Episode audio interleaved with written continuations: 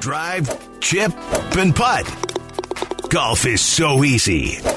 Four? Okay, maybe the occasional wedge. Let's talk golf. It's the CDGA Golf Show on ESPN Chicago. Presented by the Glenview Park Golf Club. Now, here are your hosts, Mike Gilligan and Tyler Aki.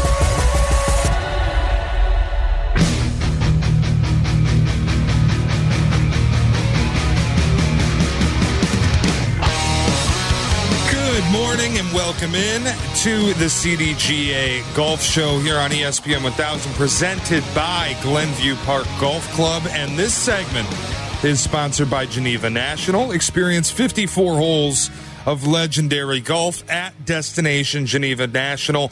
Tyler Aki has the day off. Shea Norling sitting in with you and Mike Gilligan with us as always today, live on location from Palatine Hills Golf Course. Mike, what's up? Good morning. How are you? Good morning, Shea, and good morning, Chicago. Yeah, I'm sitting here literally a few feet from the putting green on the back tee box of number one. To my left, I've got number nine, and I am watching Palatine's finest coming through here. This golf course with this rain looks absolutely pure. I mean, it looks like a carpet. There's the perfectly green carpet. So this rain that we've had this week has done wonders to the canvas to which we play. And today's going to be a super nice day out here at Palatine. The weather's only going to get better. And a little bit later today, we're going to be playing our second qualifier of the year for the CDGA four person scramble presented by our friends at Jersey Mike's and we've got 24 foursomes coming out, and they are going to have a great time. Six of the teams will make it to the finals at Bowes Creek in September, and they'll be playing for stay and play trips uh, to French Lick Resort. So we've got a full, full day out here at Palatine. That's a great event the CDGA is putting on. Looking forward to the finals out at Bowes Creek in September. We'll have Barry Cronin on the show today as well. He'll join us at 9. And Mike, right now, kind of where we wanted to to start things is how has golf been for you this week? The holiday week, the Fourth of July. I didn't get a chance to get out and play. Uh, to, to be honest, I don't play a lot. I'm terrible. I'm one of those golfers that I like getting out there until about like hole 11 when I just can't overcome the slice. And, and, and that's when I start thinking about the hot dogs back in the, uh, when I get inside. But how, how, how'd you do this week? Well, this week, obviously, the rain, like with m- many of us, kind of dampened things. Uh, wanted to play Fox Bend on Sunday, but got absolutely rained out there. But was able to get out to Glenview Park and also Cog Hill Dubsdread. And I have to tell you, every time I go to Cog Hill, specifically to Dubsdread, it is a big boys golf course. It is not a disco by any tr- stretch of the imagination. And I often wonder why doesn't Chicago have a regular PGA Tour stop, kind of like what's going on in Silvis, Illinois. Yeah. But uh, that place needs to hold a major or a tour championship. That golf course is, it's a brute. It's a it's a bear, but it was fun to play. Um, I managed to get around in 76. For me, that's pretty good. So I was pretty pleased with my round. But otherwise, I spent most of the week just kind of practicing and getting ready for today. Yeah, where where would be the best spot to put? Is that Cog Hill? Is that the best spot for a PGA event if they were to put one in Chicago?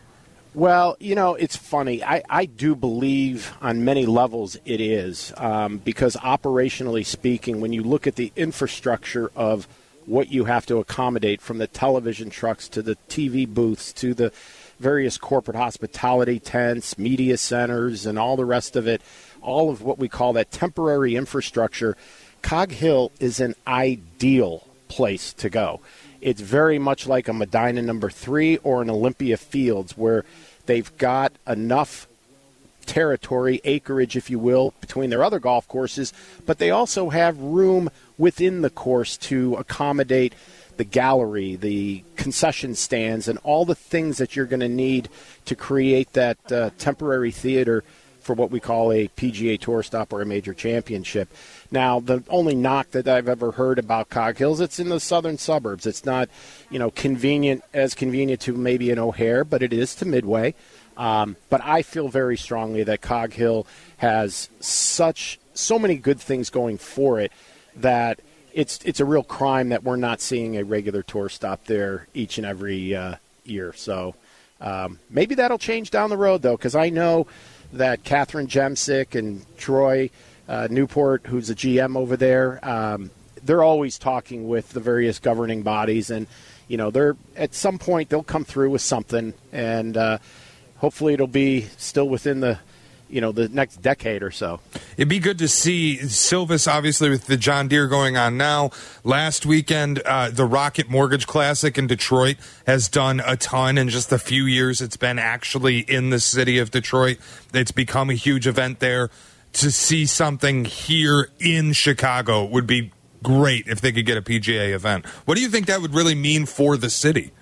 Oh, if we were able to get a regular tour stop, it would bring back the days of old when the Western Open was being contested. Well, actually being contested at a variety of clubs in, in its history. But as I grew up, I watched it being played at Butler National before it got moved down uh, down to Cog Hill. And having that would be a, a big economic boom for our you know southern suburbs and even our you know western suburbs for that matter from a hotel shopping and all the rest of it but it would put the eyes back on Chicago.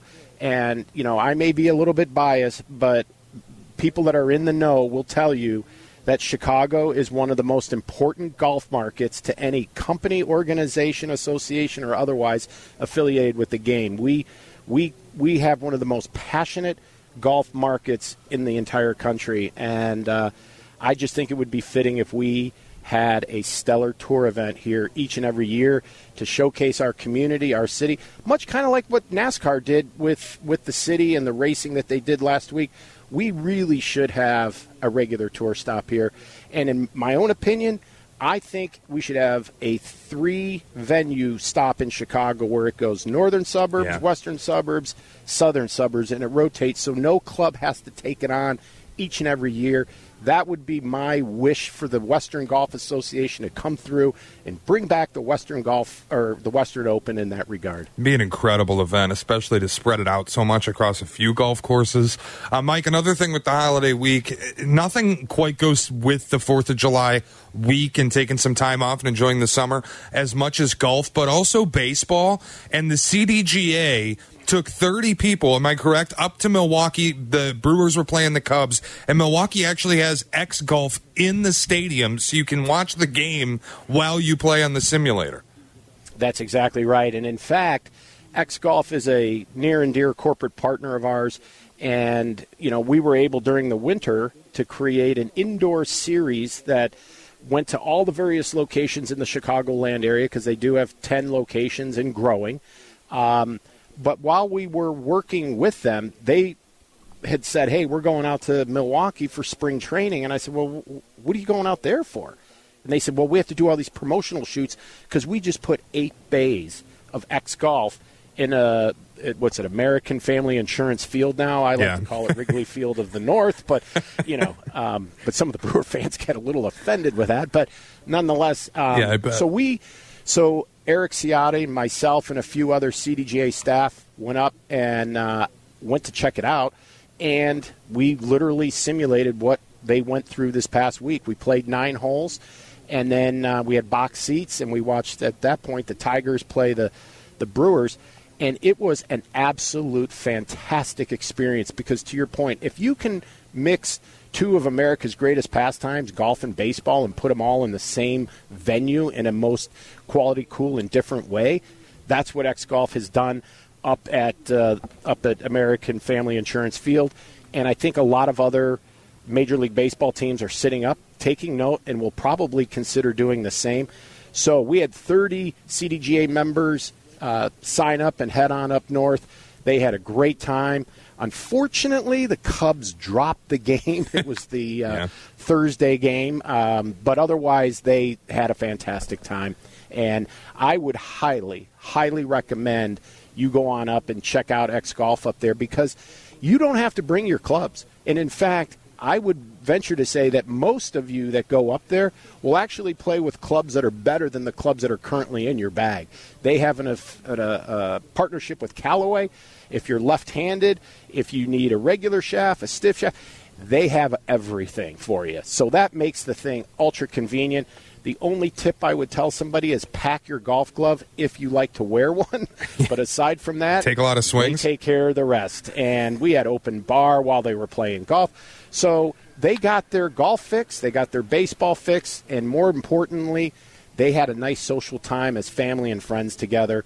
And that's really what I think golf does for us. It brings us all together in a fashion that is quality face to face time and getting away from our electronics, our, our, our phones and our iPads and computers, and we're out here in nature among friends.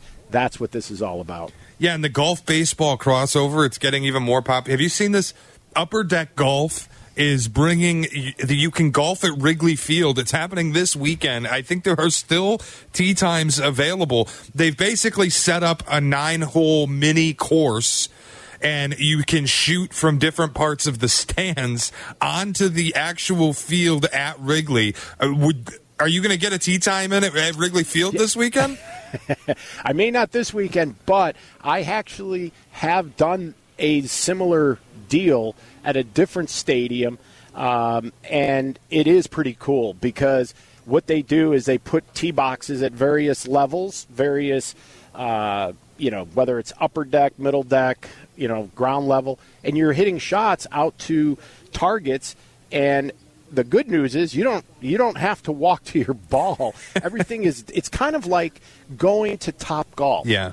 Where you're shooting from, you know, a given bay, whether you're on the first floor, second or third floor, but you've got various targets and you get graded based on the shot, whether it went on the green, did it get inside the circle, did you miss the green? So you could be making birdie, par, bogey, depending on uh, what you, you know, where your ball landed. But there is no pure golf in terms of now I got to go down and putt it out. It's all similarly like a Top Golf. All your scoring happens from the location to which you are playing. So it takes about eh, about an hour and a half to play nine holes. That's not bad at all, and to do it in no. such a cool venue, it, oh, it, yeah. it caught my eye for sure as something that would just be not necessarily a once in a lifetime experience, but something like that. Where you, how often do you think you get a chance to play golf in Wrigley Field? well, yeah, that, I mean, I'm sure there's a lot of people that probably go to Wrigley Field and wonder, I wonder what kind of club it would take to hit from home plate out to left field. And a lot of people think it takes a driver, but really for many decent golfers, you could hit a wedge into the bleachers without any problem. So it it, it kind of dwarfs your perspective of scale at times. Where if you were to hit a driver, you know, 300 yards, that's 900 feet. So yeah. imagine where a 900 foot home run with land. Well, I was reading So- that they said you you can't bring a club lower than an eight iron because they don't want people blasting balls out onto Waveland. Oh yeah, Bla- blasting them into Waveland. You'd be putting them into people's windows, and and that would be ending uh, what we call stadium golf as we know it. But it is a very, very cool. Again, another quality, cool, and different way to package golf, and also bring in the element of baseball. Because let's face it, the newest players that we're seeing coming into the game are former athletes you know, they're people that are deciding, hey, I, I, can't play football the rest of my life. I can't play basketball. Knees are getting to be where they are. Um, but they still have that competitive fire. And golf is obviously a sport you can play until, you know, the rest of your life for that matter. Um, and I think having sports like this or events like this just exposes people to how fun the game can be. And all it takes is a few great shots at one of these to say, you know what? I want to find out a little bit more about this sport. Let me go take a lesson. Let me go hit some golf balls at a range and and see what kind of success I have there. And all you have to do is get the bug one time. You get that, you know, you get bit by it, and the next thing you know, you're passionate about it. And that's why our membership now is up to 102,000 members. Wow. We continue to grow because the game is growing. And when the game is growing, everybody, whether it's venues, equipment manufacturers, or anyone else associated with it in some way, shape, or form, is all benefiting from this resurgence. But it all begins either with our youth or where I find most of the newest players, like I say, are former athletes with a love for another sport and they bring it into golf and you know and, and fall in love with it because it's easy to do. And it allows them to compete because of the index and the handicap system that we offer in conjunction with the USGA. So it allows somebody who, for like myself, I believe my index is three point something, where you and I, Shea, could play a game and handicap it in such a yeah. fashion that I have to play my rear end off to beat you. and even though maybe my gross score will beat you, but on our net By score, a lot. that's going to be yeah. But but I may have to give you a ton of shots. right. That's okay. Where if we were to try to play basketball and you are 20 years younger and six inches taller, how do we handicap that? So golf to me is the perfect game. It allows all of us to to compete, whether it's man versus woman, you know, professional versus amateur. It doesn't matter because there is the handicap system that makes us all on paper equal before we set foot out onto the golf course.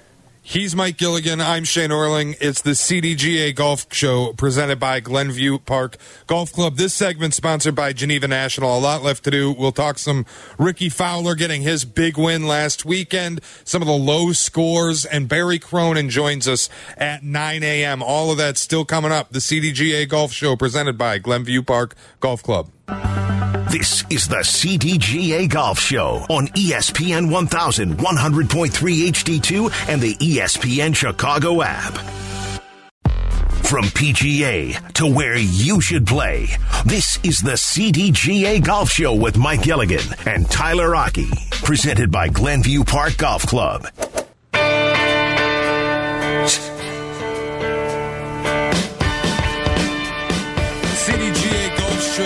Presented by Glenview Park Golf Club. This segment brought to you by Tour Edge. Tyler Aki with the day off. Shea Norling sitting in with you. Mike Gilligan with us from Palatine Hills, as always. And Mike, we have to talk a little bit about Rickie Fowler and last weekend getting his first win in a few years. Felt like for so long, and certainly in majors, always the bridesmaid, never the bride, but finally able to get over the hump not only is he one of the most beloved golfers on the tour, but staying away from LIV not taking the money, turning down a huge offer, sticking around with the PGA, and now getting this win last weekend. How does this bode for him going forward? Well, you know, first and foremost, that that that sigh you hear across the country is a collective one. I think from all golf fans, we all were pulling for Rickie. But what does this mean for him? This means a ton. I mean, you're talking about an individual who went from 173rd on the world golf rankings. He was there last August when he missed nine cuts and only had one top 10. And now he's moved all the way up to like 23rd now in the world. So this is a boost of confidence. And I think for Rickie, first and foremost, it's so easy to love this guy because he is the ultimate gentleman.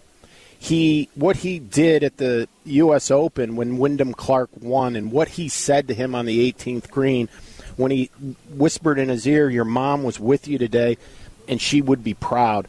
To me, the karma has come full circle and rewarded that kind of sportsmanship, that kind of gentleman spirit, if you will, with that goes along with the game. R- Rickie, you know, first off, he came in as a very heralded collegiate player from yeah. Oklahoma State. He was Rookie of the Year in 2010. Now, mind you, he won that award over a gentleman by the name of Rory McIlroy. So he had some stiff competition in his class when he came in. And amazing if you look at his record. In like for example, in 2014, he finished second at the British, second at the U.S. Open, third at the PGA Championship, and I think he finished in the top 10 at the Masters. And he's had two seconds at the Masters in 2018 and 2014. So this guy can play. But what happened was he lost the edge. He lost his mojo, if you will, to coin a phrase. And thankfully, Butch Harmon has found him and has helped him. Um, along with Craig Harmon, who was at Oak Hill when I was at Oak Hill, who plays down at the Medalist, and he also had some input because Rickie plays out of the Medalist down in uh, in Florida. But what does this do for him?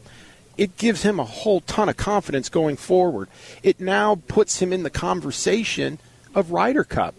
Captain Zach Johnson now has to be thinking, now I've got a former Ryder Cupper who's back on his game. I mean, this is a guy who has played in a number of Ryder Cups. Um, he played in 2010, 2014, 2016, 2018. He's got great President Cup experience. So now he plays himself into the mindset of Captain Zach Johnson. And I think Rickie becomes a guy that could easily win the British Open. I still feel strongly that Rickie is going to win a major. I said it a few weeks ago. He now has his first win. I just think it's just a matter of time, and I could see Rickie doing it at the British Open. And I think he's a guy, he's kind of gotten a, a, a reputation that's maybe not necessarily fair. People would harp on him being too flashy, the orange jumpsuit, and bringing too much excitement around. And, and, it feels like now he's getting the reputation he really deserves. When you hear the quotes like winning's great, but there's a lot more to life than that, he feels like he's very down to earth. He's got a good headspace about him, and now he's winning. It, it feels to me like things are coming back Rickie Fowler's way. If you, if you'll let me say it, that he's not got that same reputation he had as a kid coming out of college where he's this flashy presence and he can't win. Now it feels like he's more of a calm getting over the hill kind of presence in a better space mentally and really just saying all of the right things all the time. I think this is the real Rickie Fowler and people are starting to see that now. No doubt. In fact, when young Rickie, he was known because of the hair. Both yeah. he and Rory had hair like they look like two mops, you know, and and obviously, like you said, the flashy, the orange, and you know, he was a very marketable guy. Still is. Of course, has a great charisma, a great personality to him, um, and I think you're going to see more companies jumping on board with the Rickie Fowler bandwagon and and using uh, his image and his brand in conjunction with their own. So I think that's going to uh, only grow for him. But I think, you know, Rickie's at that stage of his life where now he's gotten, you know, married, he's got a young one, you know, he's developing a family. And, you know, I go back to what Jack Nicklaus once said. He said the hardest thing about being a golf professional was starting a family and and trying to be a good father and trying to be a good husband, but yet still be true to yourself and be a great golfer and have time and be committed to your game as you were as an individual as a single man. And I think these guys like Justin Thomas and Jordan Spieth, I think they're all kind of going through that phase of their life in that there's more out there. And then when you pile on endorsements and then you pile on those, you know, those commitments that you come along with such endorsements and sponsorships. Now, what gets taken away? Your time practicing. So when you're home trying to go to Little League games or go to the teachers' conference or be there with the family vacation, your time practicing tends to become less, fewer, and sometimes not at all. And that's where guys lose their edge. These guys are so, so, so very good it's I think Rickie is now learning to be more of what I call a mature golfer as it relates to family life, professional life, and still maintaining um, the level of play that we know he's known for. It's good to see out of Rickie. 312 332 3776. If you want to weigh in, check in with us. Let us know where you're heading out to play this week. If you've got any thoughts on Rickie Fowler. Mike, when we come back, I want to have a conversation with you about the John Deere and what's going on in Silvis. Some of the low, low scores that we're seeing in this tournament and that we've been seeing in a lot of tournaments lately, and even in the LIV that's going on in London right now. We'll do that on the other side. This segment brought to you by Tour Edge. It's the CDGA Golf Show presented by Glenview Park Golf Club. This is the CDGA Golf Show on ESPN 1100.3 HD2 and the ESPN Chicago app. Golf is on your mind and on the air right now. This is the CDGA Golf Show on ESPN 1100.3 HD2 and the ESPN Chicago app. Presented by Glenview Park Golf Club.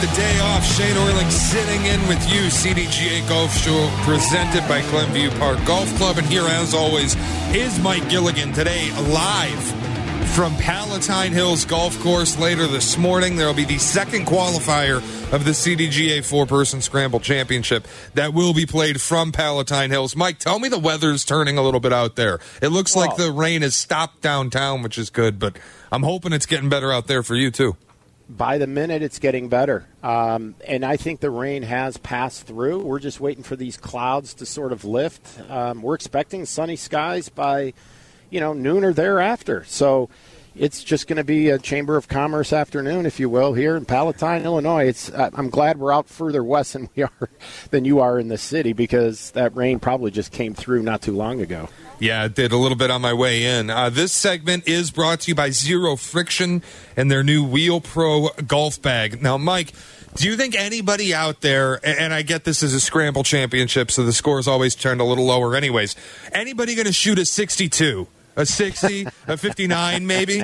What is going on? I mean, I'm reading an article a couple weeks ago, Rory McIlroy talking about the need to select some new golf courses because technology has passed by some of the courses they're using, and so the scores have come in so low. Is that really all it is? Is this I guess my biggest question is is this good for golf that you're seeing guys shoot 60, 61, 62? Jonas Blixt in the first round of the John Deere fired a 62. I think it's uh, Cameron Young, right, is leading right now at 13 under after two rounds. The scoring in tournaments lately has just been unbelievably low. It really has. And that's a great question. Is it really good for the game?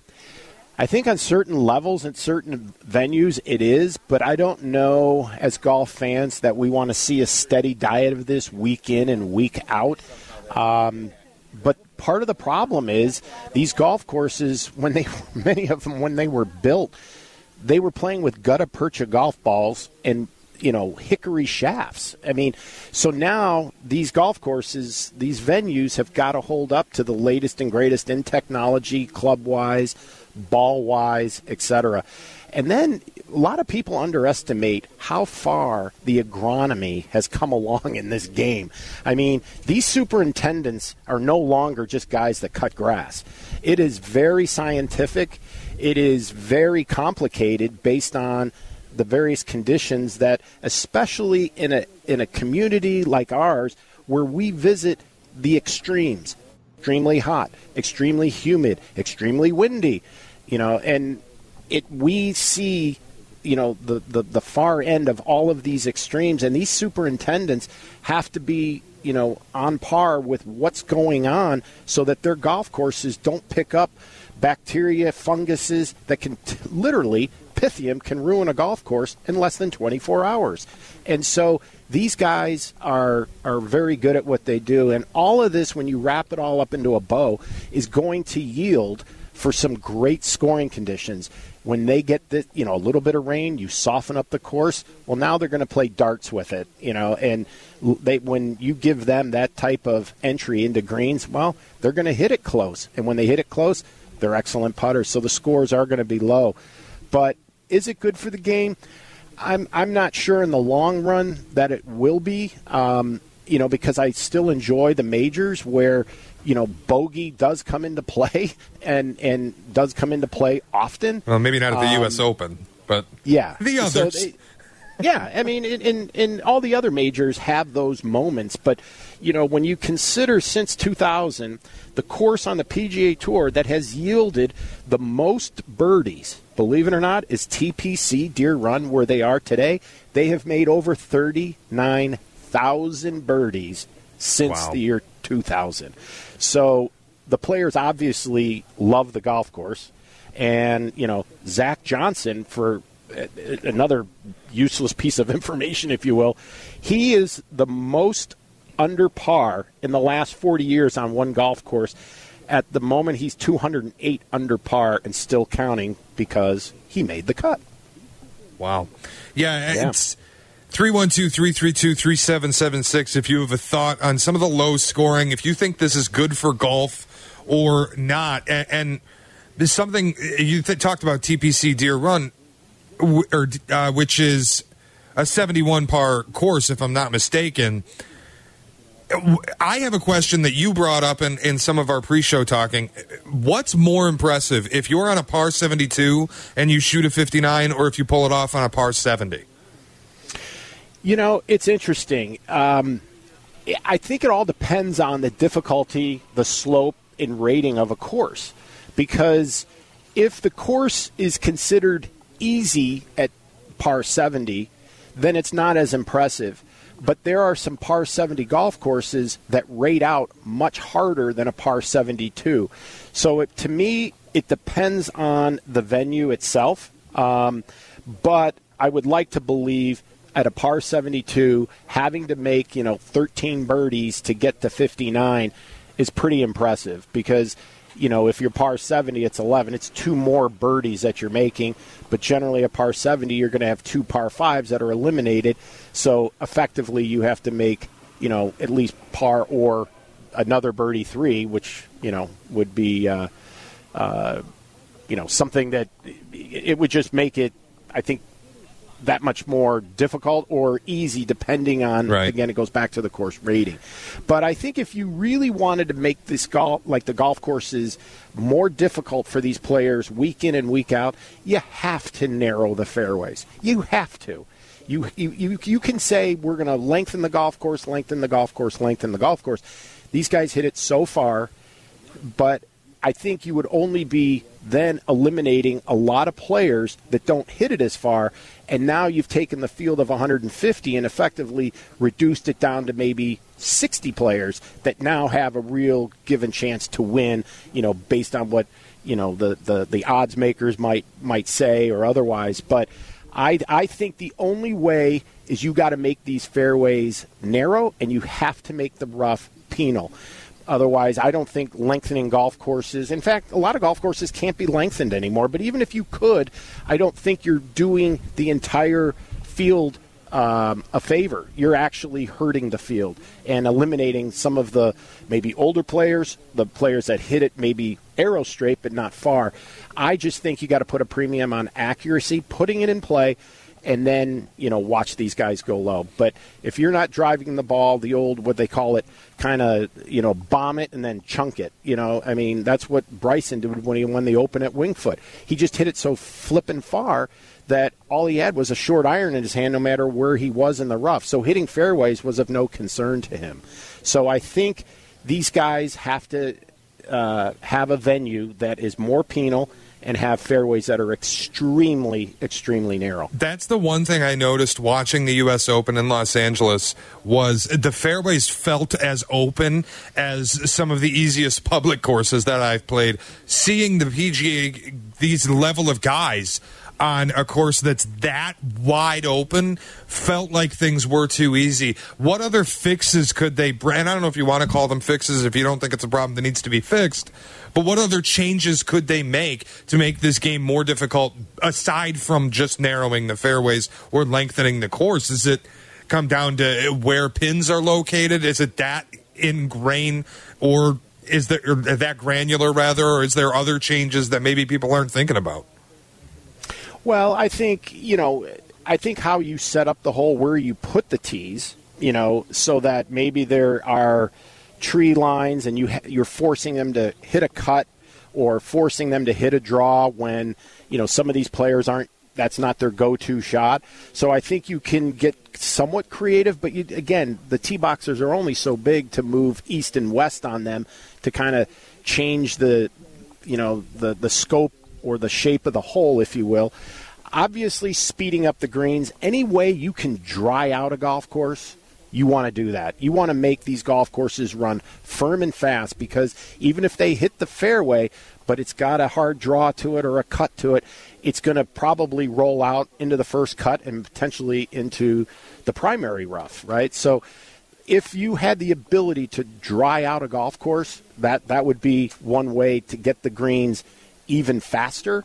Um, hole locations definitely are going to come into play, but this is also where you have to be extremely careful that you don't create a carnival uh, or like a putt putt golf kind of a scenario where the ball's rolling up, it gets close to the hole, and then it comes back. So we have to pay attention as we set up golf courses, the greens, and the hole locations so that it's fair and that certain shots can be held in that given area of where the hole is going to be located.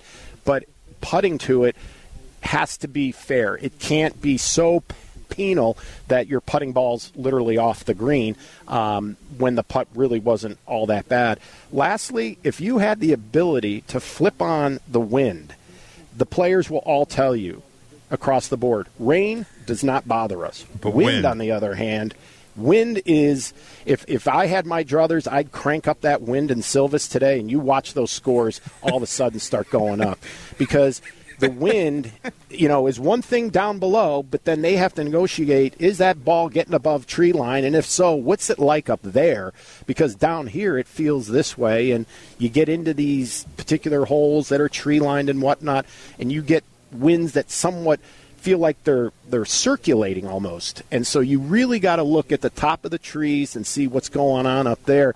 And I've had plenty of times. In fact, just at Cog Hill, where I saw down below the wind's going that way, but when I looked up, the primary wind is actually going that way. So it was almost like you're getting a ricochet off of the other trees that are kind of circumventing through. So wind is very, very tricky for these guys. And if there was an ability to control wind, we would have no problem making these golf courses difficult. If only Mike Gilligan controlled the weather, you wouldn't be seeing 13 down through two rounds. No shot.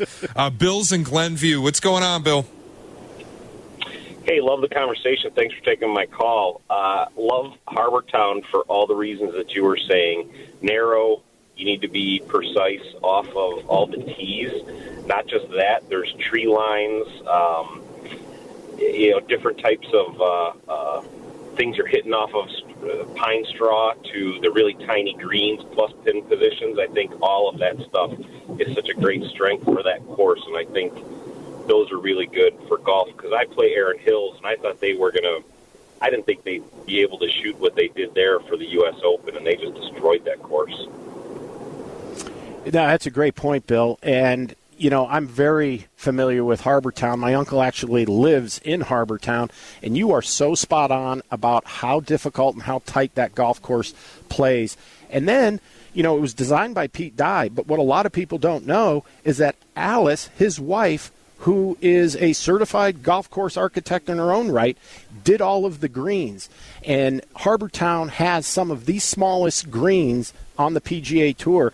The smallest, believe it or not, are out at Pebble Beach where they're playing the Women's Open this week. I think they average around 3,500 square feet per green. And so that's tiny. That is very, very small. And that's another way to really make a golf course tough. You got to make the greens, you know, little. And if you miss your mark, you're going to be either in the rough, in the bunker, or potentially even in the water, depending on a course like Harbour Town. So, Bill is spot on. I totally, absolutely agree. And I think what they did at Erin Hills goes to show you the difference between wide fairways and narrow fairways. And that is the difference. He's Mike Gilligan. A lot to do still. In about 10 minutes, we'll talk with Barry Cronin. Uh, Mike, when we come back, I want to ask you what happens when six golfers make a frat house in Silvis, Illinois. We'll talk about that next. This segment was brought to you by Zero Friction, the most innovative products company in golf. It's the CDGA Golf Show presented by Glenview Park Golf Club. This is the CDGA Golf Show on ESPN 1100.3 HD2 and the ESPN Chicago app. How's your golf game? Yeah, mine too, but more on that later. It's time for more golf talk on the CDGA Golf Show, your guide to golf around the world and in your neighborhood. The CDGA Golf Show on ESPN 1000. Now, here are your hosts, Mike Gilligan and Tyler Aki.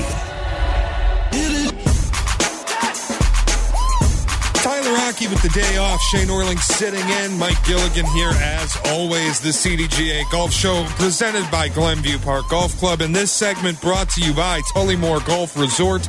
Experience a Michigan masterpiece. Mike, six golfers at last year's John Deere Classic in Silvis decided they were going to live together for tournament week. They stayed in a house.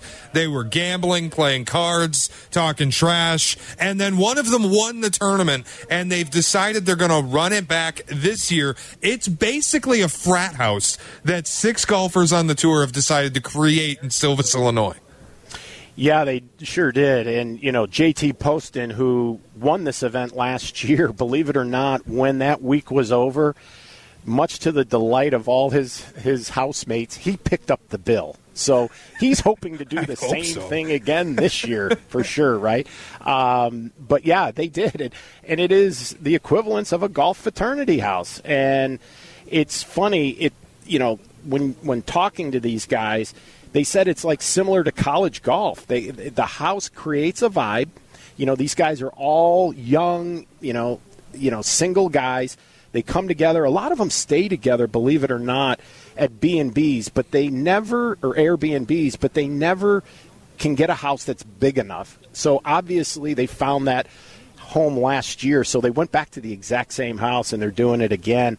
And you know, just like you said, they're playing cards, they're they're gambling a little bit here and there, and and talking a lot of smack with each other, just like college kids do. And I guess three of the guys, three of the six, went to the University of Georgia, and four of the six reside in Georgia, and three of them are specifically at Sea Island. So these guys obviously hang with each other on a uh, more day to day, week to week basis, so they know each other well, and you know they're having a great time. So I think when you can put yourself in a position that when you're away from the golf course, away from the tournament, in a in an environment that is relaxing, familiar, Yeah. and kind of brings you back to who you really are, I think it, it sets up mentally a lot better going back in to compete um, and having just that ability to kind of get away from it all and be among friends while you're out on the tour. And that may sound kind of weird because they're they're competing against each other. Yeah. But at the same time, they are friends and they all want each other to play well, but they all just want to play one shot better than each other. That's what stood out to me. They're not teammates, most of them. So they're all actively, like, truly competing against one another. But it also. You make such a great point talking about this takes the competition stress off because it feels like, yeah, you're going to work, yeah, you're competing, and it's important that you go play well and that you try to win the tournament but it almost it, it creates like this bachelor party kind of vibe where everybody goes to Arizona or wherever and you rent an Airbnb and you get seven of your best friends in a house together and you you know you gamble you're playing poker and you go out and golf in the mornings. That's what it feels like it turns the tournament into that kind of vibe. You make a great point about how that would bring the stress of the heat of competition off. Well, yeah, and I think JT Poston proved it last year. Um, and so it would be kind of fun if one of the guys, like a Denny McCarthy or a, a Patton Kizzire, you know, Grayson Sigg, Brendon Todd, any of these guys, you know, play well. They'll they'll probably point to this as one of the reasons. Now, if they all miss the cut and don't play well, well, then they could also say, "Well, we probably shouldn't do that again." But these guys, this is their living, and you know, I think anytime these guys can have a bit of uh, what it's like to be kind of at home at their own house, at their own neighborhood, their own community.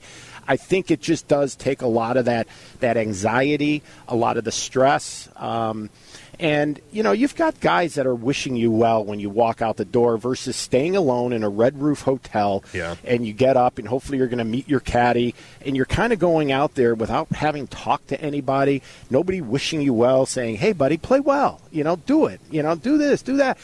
Um, I just think at the end of the day, it if if they could do this at every tour stop, I bet they'd sign up for it tomorrow. It just sounds like a great way to do it. This segment was brought to you by Tullymore Golf Resort, up north, Michigan Golf without the drive. He's Mike Gilligan. I'm Shea Norling. It's the CDGA Golf Show presented by Glenview Park Golf Club. We will talk to friend of the show, Barry Cronin, next. More golf ahead. The CDGA Golf Show on E ESPN 1000, presented by Glenview Park Golf Club.